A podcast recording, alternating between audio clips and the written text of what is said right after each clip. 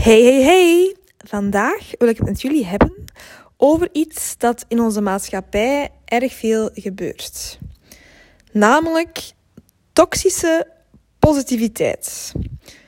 Vroeger wist ik niet dat dat bestond. Ik dacht, je bent ofwel positief ingesteld ofwel negatief. Maar wanneer het op mentale gezondheid aankomt, is niks minder waar in mijn ogen.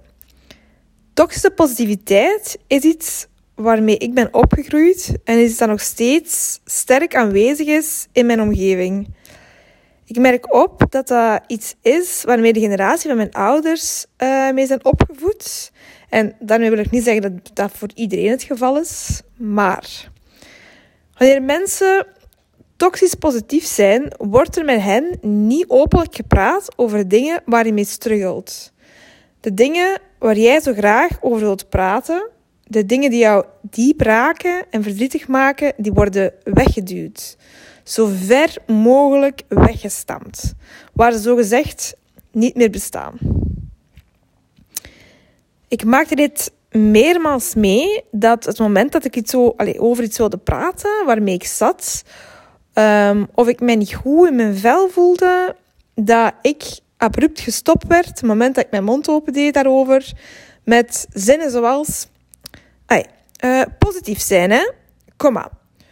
Uh, had je hoofd wel recht, uh, je geraakt er wel door. Of ja, nu mocht je verdrietig zijn, maar dan moet het wel ter gedaan zijn. Of, allee, heb jij nu meegemaakt in je leven dat jij verdrietig moet zijn? Dat jij je slecht moet voelen? Allee, niet flauw doen, hè? Eigenlijk zou je gewoon letterlijk kunnen zeggen in die situatie in plaats van al die zinnen Hou er maar over op. Dit soort uitspraken hebben ervoor gezorgd dat ik er een lange tijd van overtuigd was dat praten over gevoelens iets was dat niet mocht. Maar ik ben een hoogsensitief persoon. Ik voel en verwerk alles heel diepgaand. Het heeft er eigenlijk voor gezorgd dat ik als kind geleerd had om mijn gevoelens op te kroppen. Dat als je iets doet, als je doet alsof iets niet bestaat, dat het wel magisch zal verdwijnen.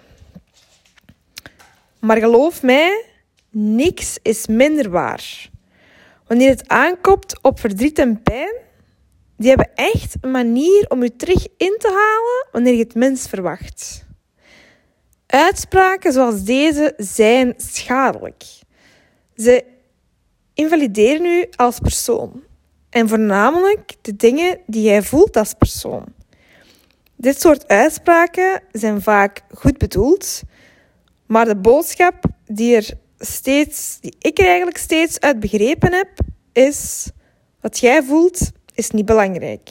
Wat jij voelt is minder waardig. Wat jij voelt mag er niet zijn. Wat jij voelt is te veel. En nu ik erover nadenk, is het niet te veel om te voelen voor mij, maar voor hun om ermee te delen. Want wat er mogelijk achter schuilt is wat jij voelt en hoe jij jezelf uitdrukt, dat maakt mij bang. Over mentale gezondheid praten heb ik nooit geleerd en ik voel mij er ongemakkelijk bij. Ik heb thuis geleerd dat ik hard moest zijn en jij triggert me door dit niet te doen. Ik wil met deze podcast zeker niet de vinger wijzen naar mensen die handelen uit toxische positiviteit. Maar als jij jezelf in herkent, weet dat de kans groot is dat je mensen, in mensen hun ogen geen veilig persoon bent om bij aan te kloppen wanneer zij het meest, ja, zich het meest kwetsbaar voelen eigenlijk. En wanneer je iemand zijt die ook is opgegroeid in toxische positiviteit, net zoals ik, dan wil ik het volgende zeggen. Je bent niet te veel. Je bent van alles juist genoeg. Hoe jij voelt, hoe jij je voelt, dat is jouw kracht. Want niemand is zoals jij. Wanneer mensen je klein willen houden, weet dan gewoon dat jij een angst aanjaagt. Juist omdat jij iets doet dat zij niet durven of kunnen. Maar onthoud dat het niet jouw verantwoordelijkheid is om die mensen op hun gemak te doen voelen, als het wil zeggen dat jij je enkel slechter voelt. Jij mag voelen en je mag handelen uit jouw gevoel. Want niemand is jou en dat is uw fucking superkracht. Sorry voor mijn taalgebruik. Nee, eigenlijk geen sorry. Maar toch. en wanneer je in de toekomst mensen tegenkomt die dit soort uitspraken doen, weet dan dat dat niet uw kind of people zijn. Maar bekijk hen juist met mildheid. Ook al weet ik hoe moeilijk dat, dat is. Maar ik probeer nu dankbaar te zijn voor het proces dat ik meemaakte. Waardoor ik kan zien dat dit soort uitspraken schadelijk zijn. Waardoor ik me bewust van ben. En ik dus ook anders kan handelen dan hetgeen dat mij werd voorgedaan. Ik weet dat ik als persoon, dat ik als persoon uh, dit patroon ga doorbreken voor de volgende generatie die na mij komt. En wat mij erg helpt wanneer dus een vriend of vriendin uh, bij mij aan komt kloppen uh, met een probleem, is het eigenlijk handig om de volgende vraag te stellen aan die persoon. Wilt je een oplossing of wilt je erover praten? Door deze vraag te stellen, stelt je open naar wat de ander nodig heeft. En heb je ook ineens duidelijk voor jezelf welke taak je in die situatie kunt gaan opnemen. Op die manier zeg je letterlijk: Ik ben er voor u en het is veilig om met mij te praten. En dat is juist het hele punt van deze podcast. Mentale gezondheid bespreekbaar maken.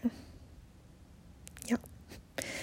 Dit was mijn rant over toxische positiviteit. Uh, bedankt om te luisteren. En uh, vond je dit waardevol? Mag je hem steeds delen op je socials en met taggen. Uh, momenteel is dit nog op um, u en ik underscore hond ondersteunende therapie. Maar binnenkort verandert mijn naam. Oeh, spannend. Um, ja, dus mag je hem steeds taggen en hem delen uh, als je hem waardevol vond. En uh, ook steeds een beoordeling achterlaten is ook kei waardevol, zodat andere mensen gemakkelijker de podcast kunnen terugvinden en we meer mensen kunnen helpen bij het bespreekbaar maken van mentale gezondheid. Oké. Okay. Dankjewel, tot de volgende keer.